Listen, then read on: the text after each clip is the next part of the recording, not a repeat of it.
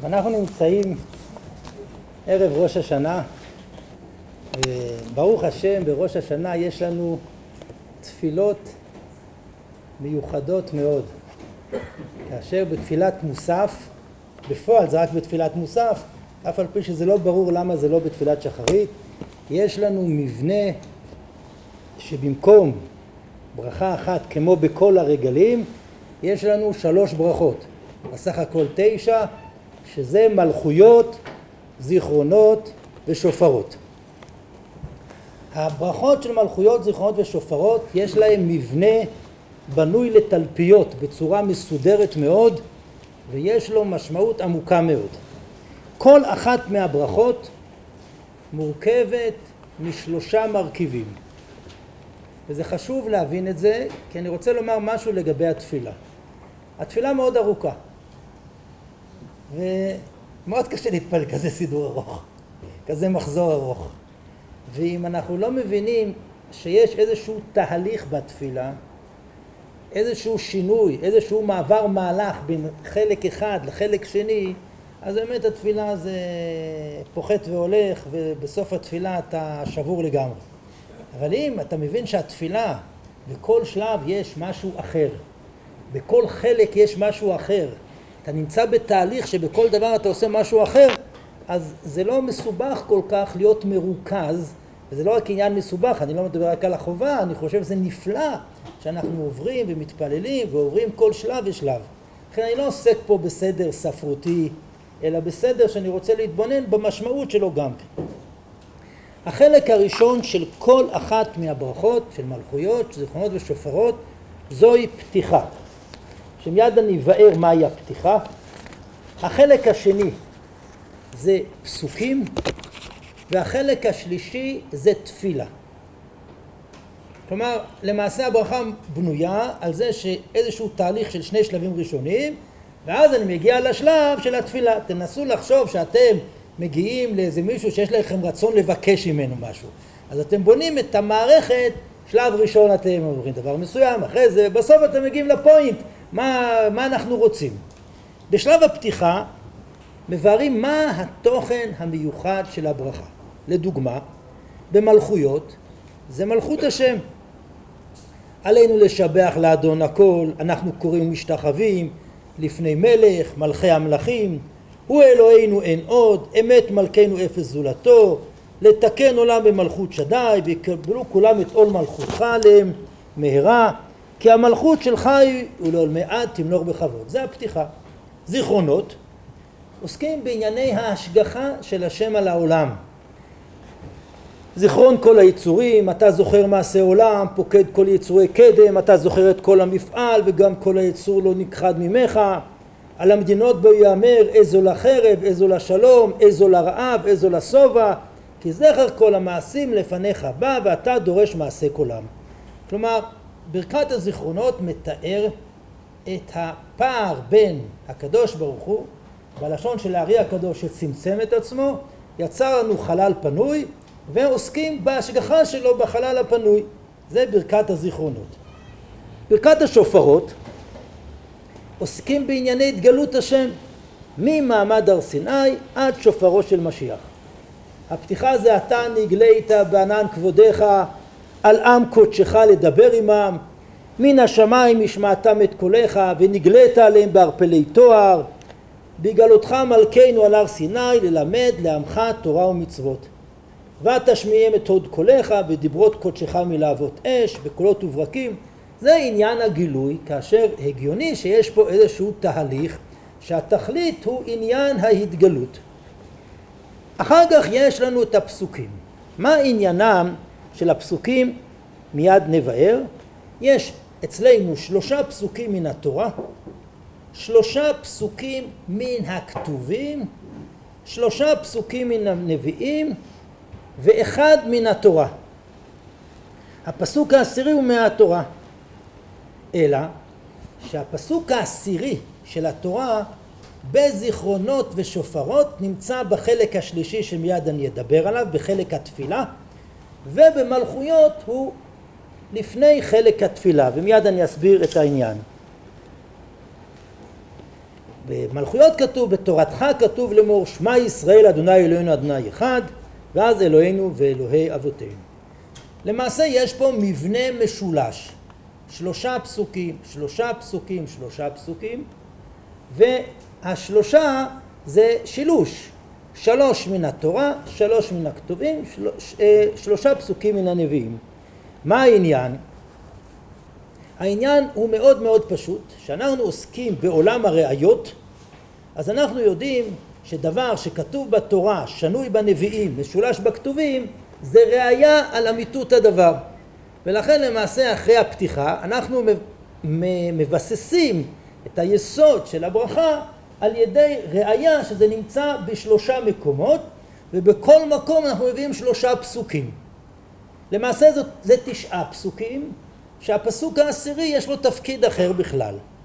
הדבר תמוה מיד אני אדון מדוע שובש הסדר הדרגאי הרגיל תורה זה נבואת משה נביאים והכתובים שזה רק רוח הקודש בראש השנה יש שיבוש של הסדר תורה ואחר כך כתובים ורק אחר כך הנביאים. ובסוף חוזרים שוב לתורה. החלק השלישי זה תפילה ובקשה. כלומר אחרי שפתחנו אחרי שהבאנו את כל הפסוקים אנחנו פותחים אלוהינו ואלוהי אבותינו ולכן אדם שמבין את המבנה מבין את התוכן שהוא מגיע אחרי השלב הזה אלוהינו ולאבותינו צריך למעשה ליצור ריכוז אנרגיה מאוד גדולה שהוא מגיע לאלוהינו ולאבותינו על מנת להתפלל ולבקש את אותן בקשות שהן נגזרות מהמלאכת השם. אלוהינו ולאבותינו מלוך על כל העולם כולו בכבודיך וכולי מלך על כל הארץ מקדש ישראל ביום הזיכרון.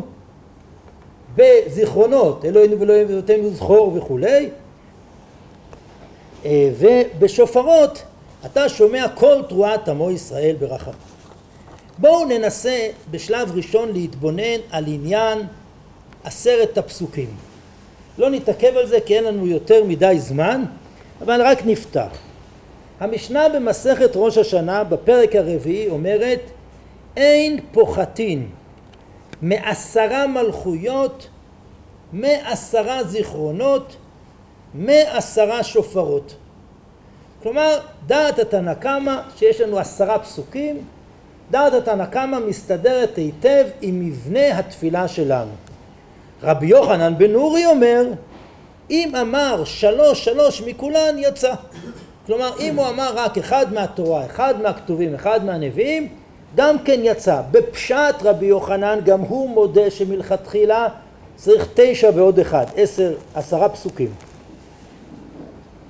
מתחיל בתורה ומשלים בנביא. רואים גם במשנה שמתחיל בתורה, משלים בנביא, והכתובים באמצע לפני הנביאים. רבי יוסי אומר, אם השלים בתורה יצא, ויש מקום לדון על הדבר הזה, יש עוד ברייתות שונות, הגמרא יצרה סינתזה בין הברייתות, אבל אני מציע שנדלג על מנת שנעסוק בעיקר ויצא לנו תמונה שלמה. כנגד מי עשרת הפסוקים האלה? יש לנו סוגיה בבבלי ויש לנו סוגיה בירושלמי שהן קצת שונות האחת מן השנייה. בבבלי, בדף ל"ב עמוד א', מובאות שלוש דעות. הנה עשרה מלכויות כנגד מי? מסתבר שהבבלי לא שאל רק על מלכויות, אלא הוא שאל הנה עשרה מלכויות, עשרה זיכרונות, עשרה שופרות כנגד מי זה? יש פה שלוש נקודות, מיד נבין למה אני חושב ככה בבבלי. מביאה הגמרא שלוש דעות. רבי לוי אומר כנגד עשרה הילולים שאמר דוד בספר תהילים. שואלת הגמרא מה זה עשרה הילולים? בתהילים יש הרבה יותר מעשרה הילולים. הילולים טוב אהבו. אומרת הגמרא אותם אלה שכתובים בפרק קנ בתהילים הללו בתק השופר. זאת דעה אחת. רב יוסף אומר כנגד עשרת הדיברות. מי שרוצה שייכנס זה לא מפריע לי. רב יוסף אומר כנגד עשרת הדיברות שנאמרו למשה מסיני. רבי יוחנן אומר כנגד עשרה מאמרות שבהם נברא העולם. והגמרא מפרטת מהם אותם עשרה מאמרות. בואו ננסה לבחון את כל אחת משלוש הדעות. מה זה כנגד אה, רבי לוי עשרה הילולים? זה הפרק בתהילים, הללויה, הללו אל בקודשו, הללו ברכי עוזו. זה פרק קנ בתהילים שחותם את ספר נעים זמירות ישראל, הללו בגבורותיו, הללו כרוב גודלו, הללו בתק השופר, הללו בתוף ומחול, הללו בממינים ועוגב, הללו בצלצלי שמה, הללו בצלצלי תרועה, כל הנשמה תהלל יא הללויה. כלומר יש פה שיר הלל לגדולתו של בורא עולם עד שמגיעים לשיא ההודעה, זה מהנשמה, כל הנשמה תהלל יא. רב יוסף אומר כנגד עשרת הדיברות. בעשרת הדיברות אנחנו יודעים שבמעמד הר סיני שמתואר פרק י"ט היה שם קול שופר. זה מובן מאוד מדוע לוקחים את השופר ומיד נפרט יותר. ולכן הוא אומר את אותם, ואני חושב, אה, רש"י כותב על רב יוסף, דבר מאוד מעניין, כנגד עשרת הדיברות, דכתיב באונה משופר ולא שמעתי, אלא ראיתיה ביסוד רבנו יצחק בן יהודה. רש"י מאוד לא שגרתי, הוא צריך להבין למה עשרת הדיברות, אז הוא אומר יש שם שופר. אני חושב שרב יוסף רואה את התקיעות בעיקרם קשורים להתגלות של מעמד הר סיני. והדרך של רב יוסף היא מאוד פשוטה. אומר רב יוסף, אם אני רוצה לדעת מה זה שופר, אלך. איפה עוד מופיע שופר? איפה עוד מופיע שופר? מעמד הר סיני. אז צריך למצוא זיקה בין השופר לבין מעמד הר סיני. מה העניין? אנחנו יודעים שראש השנה זה יום התחדשות בריאת האדם. ולמעשה לא יכולה להיות בריאה בלי תורה.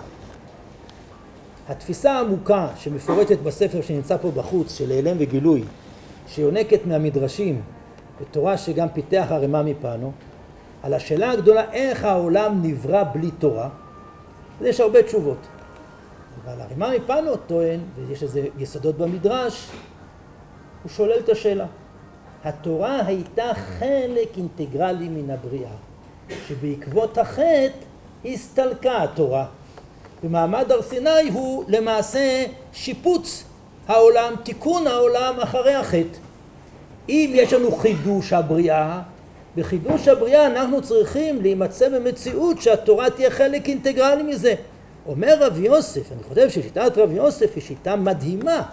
למה יש עשרה פסוקים כנגד עשרת הדיברות, יסודו במעמד הר סיני? אנחנו יודעים שבגמרא בסוף הוריות ובעוד מקום יש מחלוקת מה עדיף, סיני עדיף או עוקר הרים עדיף. ורב יוסף הוא היה סיני. סיני זה לא רק ביטוי בגלל רוחב הידיעות שהוא יודע את כל מה שנאמר בסיני. זו תפיסה מאוד עמוקה. אצל רב יוסף עניין מעמד הר סיני הוא הדבר המרכזי של העולם וראש השנה למעשה עניין מתן תורה הוא חלק אינטגרלי מראש השנה. זה למעשה דברי רב יוסף. שיטת רבי יוחנן כנגד עשרה מאמרות שנברא העולם, אז זה ברור, כי זה ראש השנה. לכאורה, שלושת הדעות הן שלוש בחינות של תקיעת שופר. רבי לוי התקיעות זה הללוהו, זה הודאה, זה קשור להמלכה. רב יוסף קשור למה שאנחנו מתפללים בשופרות, להתגלות. ורבי יוחנן, התקיעות קשורות לבריאת העולם, וזיכרונות, כל העניין זה בריאת העולם. אתה זוכר מעשה עולם ופוקד כל יצורי קדם, כל הטור בריאת העולם. אבל אם נהיה כנים, הבבלי לא כך אמר. הבבלי אמר, הנה עשרה מלכויות כנגד מי? אחד אומר, כל המלכויות כנגד זה. השני אומר, וממילא גם כל הזיכרונות כנגד זה, וכל השופרות כנגד זה. השני אומר לא, הכל כנגד. אבל היה אפשר להגיע לשיטה יותר מורכבת, לקבל שיטה אחת על מלכויות, שיטה אחת על זיכרונות, ושיטה אחת על שופרות. ואכן, בירושלמי אנחנו מוצאים את הכיוון הזה. הירושלמי במסרת ראש השנה בפרק הרביעי אומר אין פוחתין מעשרה מלכויות כנגד עשרה קילוסין שאמר דוד הללויה. הללו אל בקודשו עלו ברכי עוזו. על דעת כל אה, הנשמה תהלל יא הללויה. מעשרה זיכרונות כנגד עשרה וידויים שאמר ישעיהו רחצו היזקו אסירו לימדו היטב דרשו משפט מכתיב בתרי לכונה ונברכה יאמר אדוני. מעשרה שופרות כנגד שבעה כבשים פר ועין. לפני שאני אסביר את זה הירושלמי בא ואומר למלכויות יש עשרה כנגד דבר מסוים לזיכרונות יש עשרה פסוקים כנגד דבר מסוים ולשופרות יש עשרה פסוקים כנגד דבר מסוים אם ננסה להבין עכשיו יותר את דברי הירושלמי עשרה מלכויות זה עשרה כינוסים. זה מה שיש לנו בבבלי כנגד הללויה. זה כנגד המלכויות. העשרה זיכרונות כנגד עשרה וידויים. אמנם אצלנו אין וידוי בראש השנה ולא אכנס כרגע באריכות למה אבל הווידוי יסודו בעמידת השם מול הקדוש ברוך הוא. זה קשור באמת לבריאה ניסיתי לחשוב מה עניין הכבשים והפר והעין.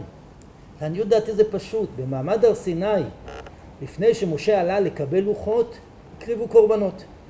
והקורבנות זה חלק מתשתית לקראת ההתגלות. אבל לפחות בירושלמי אנחנו מוצאים מבנה מאוד ברור. אם נסכם מה שיש לנו עד כאן, הראינו את המבנה של מלכויות, זיכרונות ושופרות, הראינו שכל ברכה מורכבת משלושה שלבים, שלב ראשון פתיחה, שלב שני עולם הראיות של הפסוקים, שלב שלישי תפילה, אלוהינו ואלוהי אבותינו. כך הסברנו את הדבר.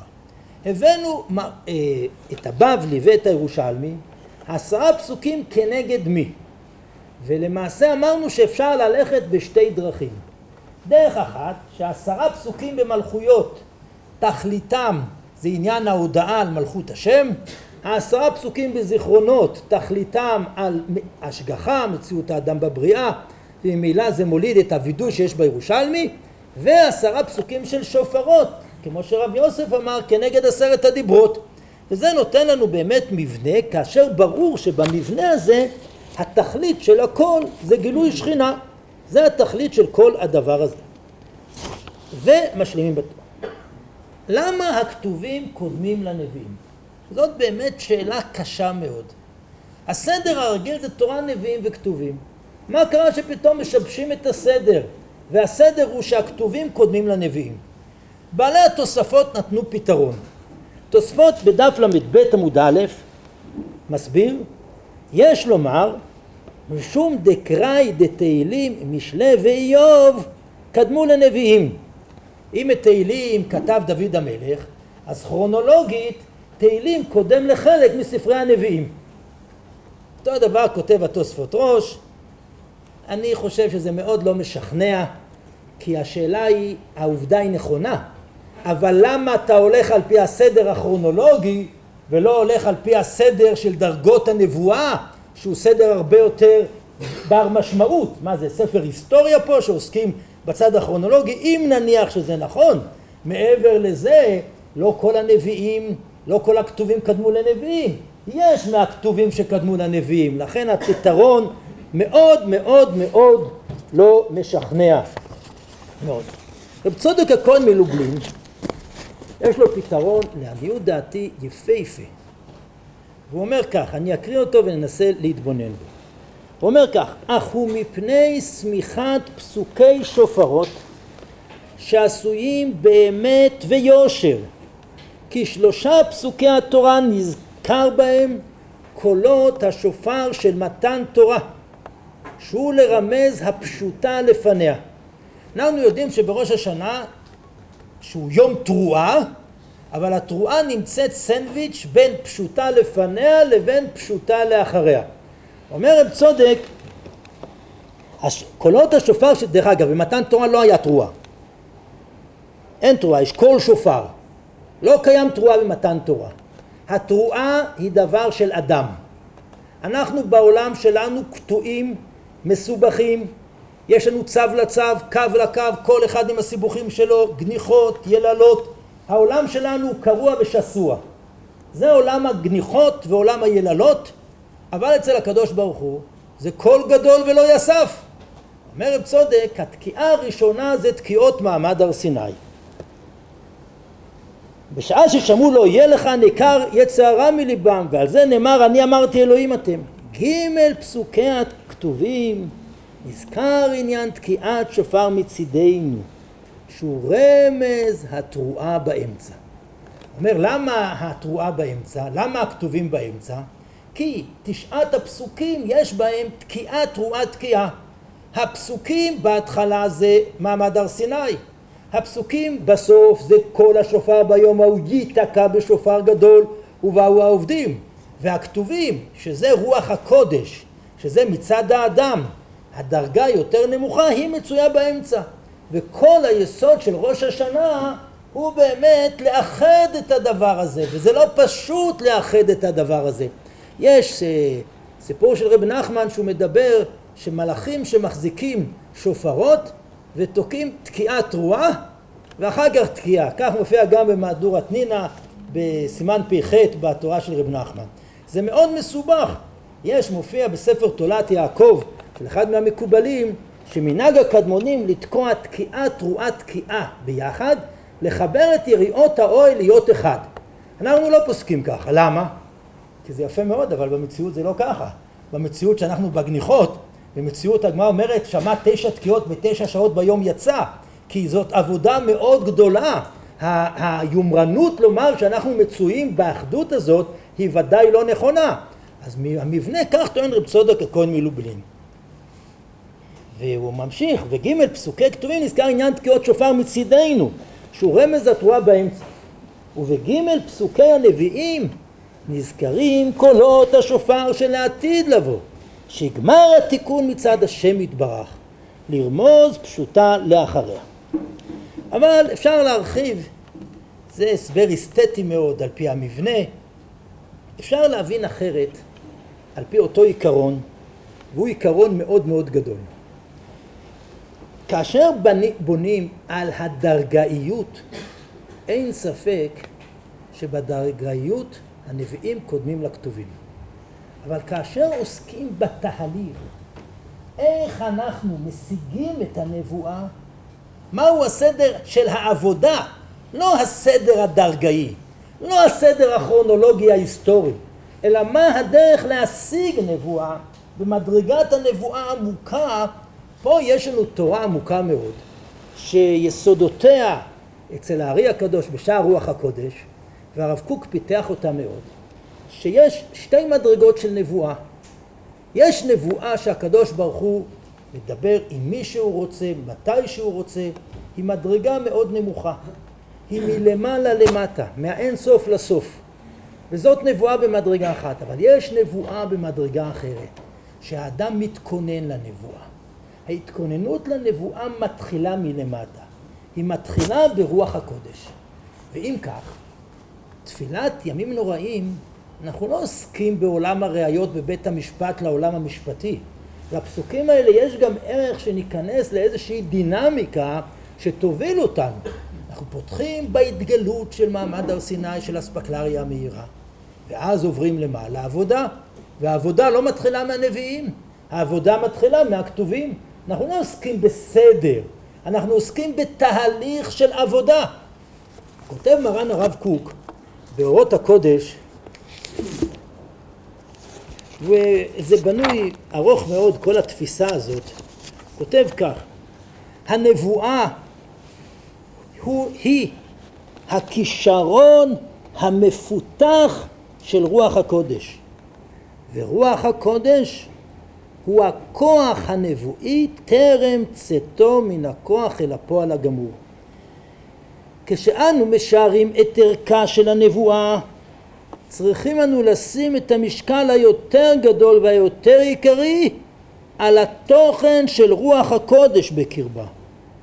ומכל מקום היא נבואה על רוח הקודש מפני שהיא מידת רוח הקודש מפותחה ומבושלה. כלומר התפילה היא לא איזשהו משהו שהוא חיצוני מאיתנו.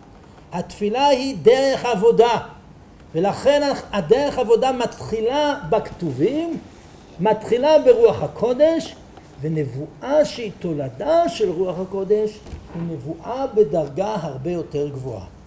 לעניות דעתי כשאנחנו מתבוננים בשאלת הבית הראשון, הבית השני והציפייה להחזרת הנבואה. רוב בני האדם, הציפייה שלהם להחזרת הנבואה היא שטחית מאוד. הם מצפים להחזרת הנבואה במדרגה הנמוכה מאוד. כמו שהקדוש ברוך הוא דיבר עם לבן הארמי בחלום הלילה, הוא מדבר עם מי שהוא רוצה, עם קין הוא מדבר, עם מי שהוא רוצה הוא מדבר, זה לא מראה על מדרגת נבואה. כבר הרמ"ק בפירוש שלו על הזוהר מעריך בדיבור על זה שזה לא, לא מדרגה גבוהה. בבית שני הסתלקה הנבואה. וכפי שלימד אותנו מרן הרב קוק, והתחיל צינור החוכמה. והשאלה מה קורה לנבואה? ומה היה קורה לו עם ישראל בית שני הבית השלישי? אני חושב שלא הסתלקה הנבואה בשביל שנגיע למדרגת נבואה גבוהה יותר. הסתלקה הנבואה על מנת שתהיה עבודה של האדם ומתוך עבודת האדם אנחנו נגיע לנבואה. על זה נאמר מי ייתן כל עם השם נביאים. לא נבואה כדיבור אלא נבואה כדרגאיות שהיא הרבה יותר גבוהה. ראש השנה שמחזיר אותנו לנקודת הראשית, למדרגה הגבוהה זה לא נבואה שהיא חיצונית מאיתנו, אלא זה רוח הקודש המתגלה בקרבנו, כמו שהרמב"ן כתב בבבא בתרא, שזה דבר הרבה יותר מפותח. ממשיך הרב קוק באורות הקודש וכותב מובן הדבר לפי זה שאפשר שיהיה אדם גדול במידת רוח הקודש שלו ומכל מקום לא יהיה נביא מפני שלא פיתח את כישרונו לבוא למידת הנבואה או שמניעות חוציות ממדרגות העולמים כולם. זה פה הוא רומז לדברי הרמב"ם במורה נבוכים, שהרמב"ם אימץ את תפיסת הפילוסופים, שמי שמתכונן נבואה מיד הוא מתנבא, אבל בניגוד לפילוסופים בתורתנו הקדושה, יש ביכולתו של הקדוש ברוך הוא למנוע את זה, כמו ייבוש ידו של ירובעם. למעשה הרמב"ם אימץ את תפיסת הפילוסופים עד הסוף, אלא הוא ראה שיש מנגנון שיכול לשתק את את חוק כלים שלובים שהאדם המתכונן מיד שורה עליו רוח הנבואה. אצל הרב קוק הדברים מפותחים יותר מאשר אצל הרמב"ם, אבל הוא רומז או שמניעות חוציות ממדרגות העולמים כולם, וסדרי החיים, ערכי התולדה האנושית וכיוצא בהן, הן מעכבות את הפיתוח הנבואי לצאת אל הפועל. ויש נביא שלא הגיע למדרגת רוח הקודש, באותה מעלה מופלאה של בעל רוח הקודש הגדול, ומכל מקום אותה המידה של רוח הקודש שיש בו באה לידי פיתוח וזהו התוכן של יחס נביאים וכתובים זה לזה. הנביאים עולים בכללם על הכתובים בקדושתם ומכל מקום ישנה מדרגה משנה את הנביאים אל הכתובים. מניחים כתובים על גבי נביאים כשם שמניחים נביאים על גבי כתובים. ולפעמים מתגלה מדרגה מיוחדת מוקדמת בכתובים לגבי נביאים, כפי הסדר של מלכויות, זיכרונות ושופרות. לראש השנה. הרב קוק מתמודד עם זה בצורה מאוד ברורה ואני חושב שתפילות ראש השנה זה תהליך עמוק, תהליך עמוק מאוד שצריך להוביל אותנו באמת מתוך הכתובים להגיע לנביאים, שזאת מדרגה הרבה יותר גבוהה.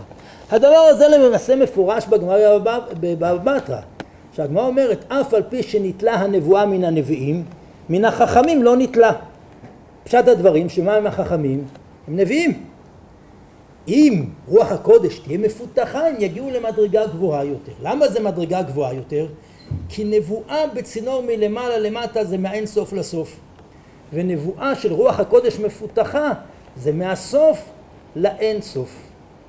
לכן הגמרא שאומרת חכם עדיף מנביא מסביר הארי שנבואה מלמעלה למטה יש לה מחיר ונבואת משה שהיא במדרגה הכי גבוהה שזה אחד מיסודות המשותפים גם לרמב"ם וגם לקבלה אומר הארי משה השיג רק את המדרגות הנמוכות בלשון הקבלית זה את ארבע ספורות התחתונות, נצח, הוד, יסוד ומלכות.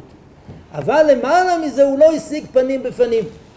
אבל החכמים יכולים להשיג המדרגות למעלה בפנים ולא באחור. כי זה בדיוק המהלך האדיר של רוח הקודש. בית שני זה לא שני צינורות שונים. בית שני, הנביאים הסתלקו. הייתה ציפייה של צמיחת רוח הקודש. וצמיחת רוח הקודש היא צריכה להוביל אותנו למדרגה גבוהה יותר שבאמת מתוך רוח הקודש המתגלה בקרבנו אנחנו נזכה להשראה נבואית מלמעלה. זאת המדרגה שאנחנו מחפשים וזוהי תפילת ראש השנה. תפילת ראש השנה היא ממש תפילה של תהליך עבודה של רוח הקודש שמתפתח לידי נבואה. וזה תכלית ראש השנה, זה באמת מעמד הר סיני של אתה נגלית בענן כבודך. אני רוצה לעבור לדבר מרתק מאוד, והוא העניין של הפסוק העשירי, שהוא לא כל כך מובן לנו. הפסוק העשירי בזיכרונות הוא חלק אינטגרלי מן התפילה. קיים לנו אדוני אלוהינו את הדבר שהבטחתנו בתורתך על ידי משה עבדך מפי כבודיך כאמור וזכרתי להם ברית ראשונים אשר הוצאתי אותם מארץ מצרים לעיני הגויים להיות להם לאלוהים אני השם. כלומר הפסוק משולב בתוך התפילה. ממש חלק אינטגרלי. בשופרות אותו דבר. אחרי אלוהינו ולא אבותינו הביאנו לציון עירך ברינה ולירושלים בית מקדשך בשמחת עולם ושם נעשה לפניך את קורבנות חובותינו כמצווה עלינו בתורתך על ידי משה עבדך מפי כבודיך כאמור. וביום שמחתכם ובמעדיכם וראשי חודשכם ותקעתם בחצרות על עולותיכם ועל זבחי שלמיכם והיו לכם לזיכרון לפני השם אלוהיכם אני השם אלוהיכם. במלכויות. שמע ישראל השם אלוקינו השם אחד אלוהינו ולאבותינו. מה קרה? אומר הטור באורח חיים בסימן תקצ"א כתב אביה, זה רבי אליעזר ברבי יואל הלוי מגדולי חכמי אשכנז, יש שאין משלימים למניין י' פסוקים של זיכרונות וזכרתי להם ברית ראשונים וכן וביום שמחתכם לפי שאינם סמוכים לשאר המקראות כמו מלכויות שאומר מיד ובתורתך כתוב לאמור שמע ישראל. אומר מלכויות זה מובן העשרה פסוקים רצופים שלושה שלושה שלושה אחד יחידה אחת אבל בזיכרונות זה תשע והאחד נהיה בתפילה. לכן אומר בוא נוריד את העשירי בזיכרונות ובשופרות כי גם חוץ ממלכויות. אומר הטור לא ייתכן דבריהם. שנינו משלים בתורה ולדבריהם לא השלימו בתורה. ומה שירחיקום לפי שהפסוק נופל על לשון תפילה. מה אומר הטור? אני לא מבין מה אתם מסתבכים. המקור הוא בתפילה. הפסוק העשירי, מה עניינו של הפסוק העשירי? תפילה. ולכן הוא לא צריך להיות צמוד. יש תשע פסוקים, עולם הראיות הוא תשע, שלוש, לא צריך עשר. גם אם עשר זה מספר יפה. העשירי בעיקרו שנוי בתפילה. מה ההבדל בין הטור לרבייה? לרבייה יש בעיה לזיכרונות ושופרות. ולטור יש בעיה במלכויות, מה תקעו את השמע ישראל שם? כמו שהטור כתב, הרמב"ן שמובא ברשב"ץ על ראש השנה הסביר גם בניגוד לרב כותב ומנהג לומר שמע וכן בזיכרונות אנו אומרים וזכרתי להם ברית ראשונים ובשופרות וביום שמחתכם אלא שאנו מפסיקים ביניהם לשאר פסוקים לפי שהפסוק נופל על לשון תפילה ויש שנשתבשו בזה ואמרו שאינו מן המניין מפני שאינם סמוכים כמו שמע ישראל. גם הרמב"ן שמביא הרשב"ץ אומר בניגוד לרבייה ואומר כדעת הטור הראש בדיון שלו על הפסוק האחרון כותב יש מרננים על מה שאנו משלימים בשופרות בהא יקרא וביום שמחתכם. וכתב רב יום רבייה משום שאנו רגילים להוסיף והרי הזכיר עשרה פסוקים אם השלים בנביא יצא ואותו פסוק והוא בתפילה שהוא דברי ריצוי ורחמים. גם הראש בסופו של דבר הבין את הדבר כך. הרב סולובייצ'יק בניגוד לכל מה שמפורש בראש, מפורש בטור, מפורש ברמב"ן, טען הפסוק הוא תפילה. גם במלכויות הפסוק תפילה. למה הוא לא שם באלוהינו ולא אבותינו? יש לו איזה טעם. מה טוען הרב סולובייצ'יק?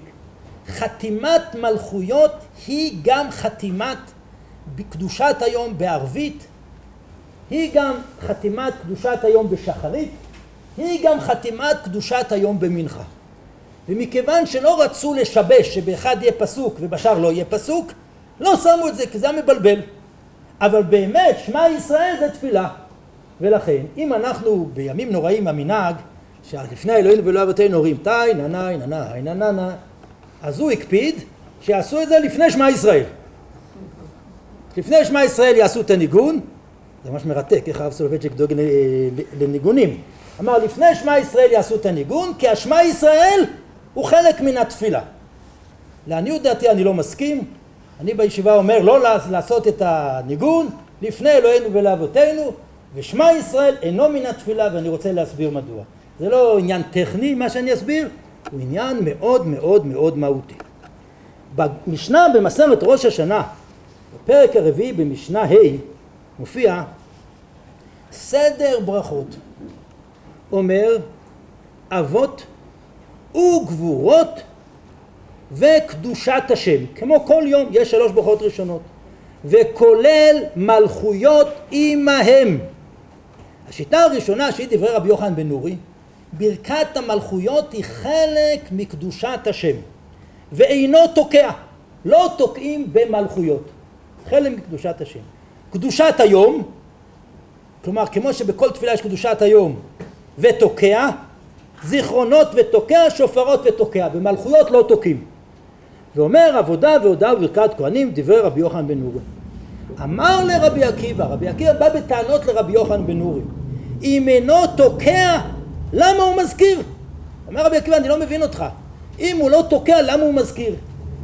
דברי רבי יוחנן רבי עקיבא לא מובנים מה פירושו למה הוא מזכיר? ממש לא מובנים אלא אני אסביר אביא את רבי עקיבא ונחזור להבין מה הוא אומר. אומר אבות גבורות וקדושת השם וכולל מלכויות עם קדושת היום כמו שאנחנו נוהגים. שלוש ברכות ואחרי זה קדושת היום היא עם מלכויות. ותוקע זיכרונות ותוקע שופרות ותוקע ואומר עבודה וברכת כהנים כלומר יש מחלוקת בין רבי יוחנן בן אורי לרבי עקיבא.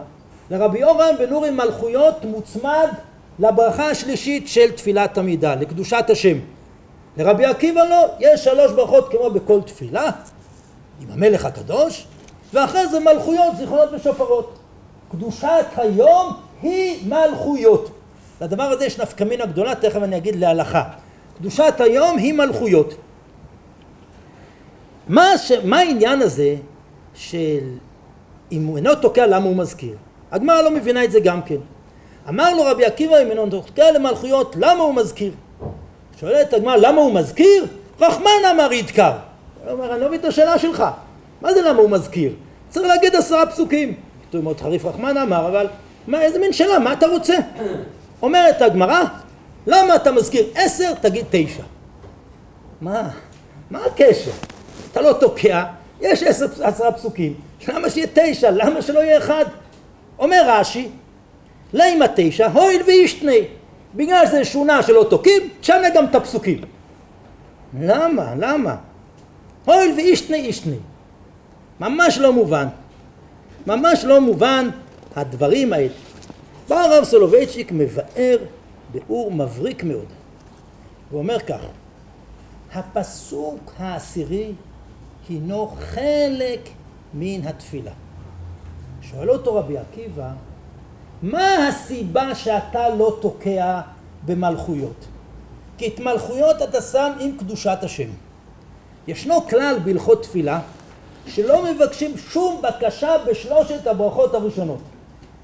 אם שמת את מלכויות עם קדושת השם, אסור לבקש. התקיעה היא בקשה. אז אם אתה ביטלת את התקיעה כי לא מבקשים, אתה חייב לבטל גם את הפסוק העשירי. שמהו הפסוק העשירי? הפסוק העשירי הוא בקשה. כך מסביר הרב סולובייצ'יק, אני חושב שזה הסבר נפלא מאוד. אני רוצה להשתמש בדבר, בדבריו ולהמשיך את הדיאלוג. אומר לו רבי עקיבא, אם אינו תוקע למלכויות, למה הוא מזכיר? הוא לא יכול להתפלל. מה יענה לו רבי יוחנן בן אורי? אני לא מבין.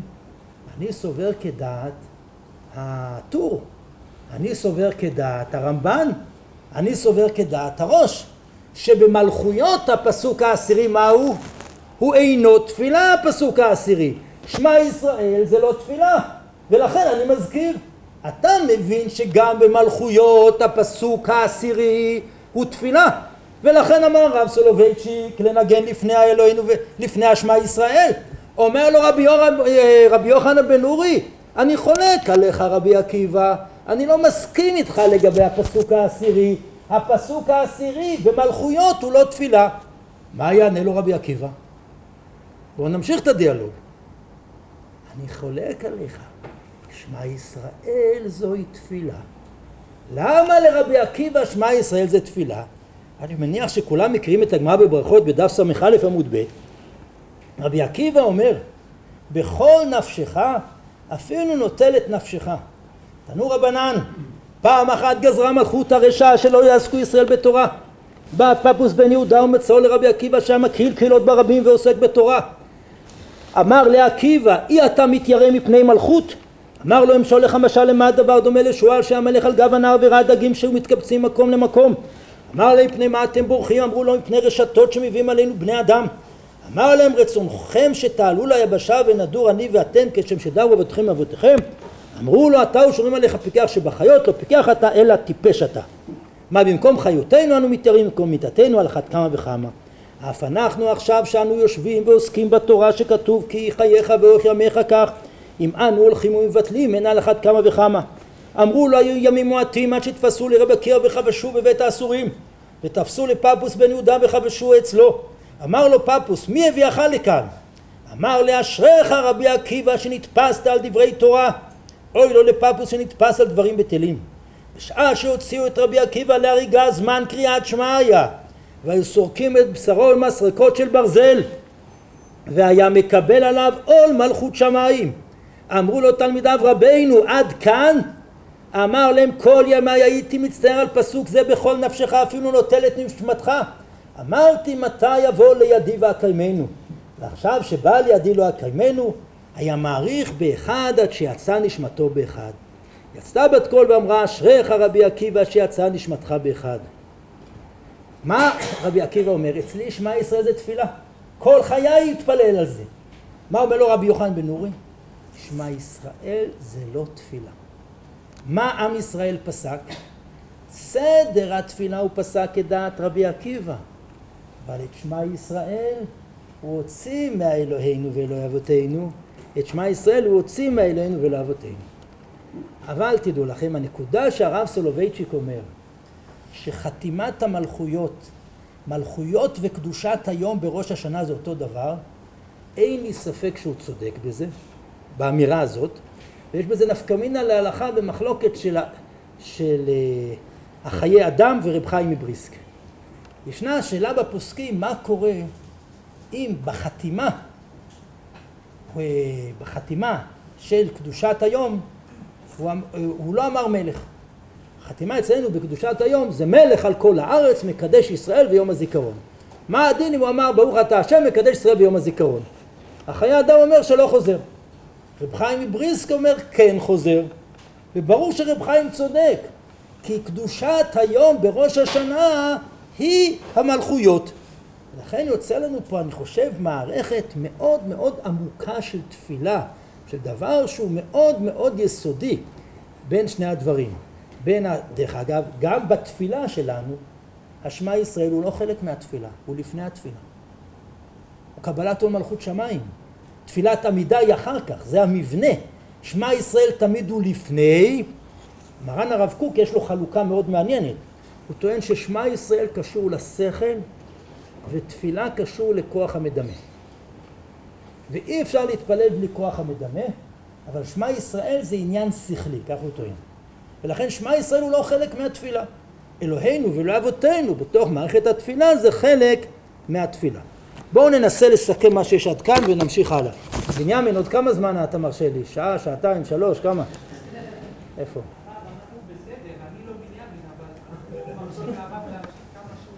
בסדר. טוב, בואו רק נסכם, בואו נסכם על מנת שהדברים יהיו לנו בהירים ואז נמשיך הלאה. פתחתי בניתוח של מבנה התפילה. והראיתי את מלכויות, זיכרונות ושופרות כמחולקות לשלושה חלקים, מבוא שמתאר את הרעיון, פסוקים ותפילה. שלושה חלקים. המשכתי אחרי הדיון בשלושת החלקים האלה ושאלתי על המבנה. מה הסיבה שהמבנה איננו על פי הדרגאיות הידועה נבואת משה, נבואת שאר הנביאים והכתובים שהם רוח הקודש. אלא הסדר הוא תורה, נביאים, שתי המדרגות, ובאמצע הכתובים. והלכנו בשלוש דרכים. דרך אחת של בעלי התוספות, שאומרים שהסדר הכרונולוגי, סוברים שהסדר הכרונולוגי, לגמור? בסדר. דרך אחת, בסדר, אני רק אסכם שיצא לנו דבר שני. שהסדר הכרונולוגי הוא כזה, הקשינו על זה, זה באמת לא מסתבר. דרך אחת אסתטית מאוד של רב צודק הקוד מלובלין, שמסביר שהכל זה קול אלוקי, זה קולות מעמד הר סיני והקול הסופי, ובתווך התרועה של האדם, שזה התרת. דרך שלישית, שזה לא סתם עולם של ראיות, אלא התפילה היא עבודה גדולה שהיא קשורה ליום בריאת האדם, להחזיר את דבר השם לתוכו. ולכן הדרך הוא כפי שהארי לימד אותנו, וכפי שהרב קוק פיתח את זה מאוד, שבתהליך העבודה הכתובים קודמים לנביאים. יש את הקול האלוקי שקדם למעמד הר סיני, ואחרי זה הדרך היא שרוח הקודש היא מפותחה.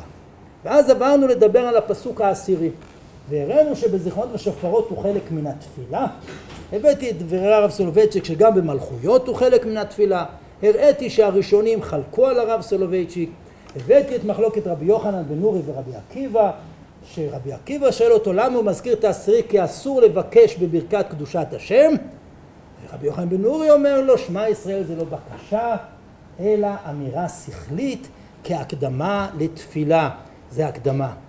רבי עקיבא אומר אצלי שמע ישראל זה תפילה. למה היא נפקא מינה? מתי מנגנים את הניגון? לפני השמע ישראל או אחרי השמע ישראל? להלכה למעשה אין לי ספק שצריך לנגן את זה אחרי השמע ישראל, כי אנחנו לא במדרגת רבי עקיבא, ונתפלל שבאמת נזכה להשיג מתוך רוח הקודש את הנבואה שיסודה מרוח הקודש מפותחה ומתגלה בקרבנו.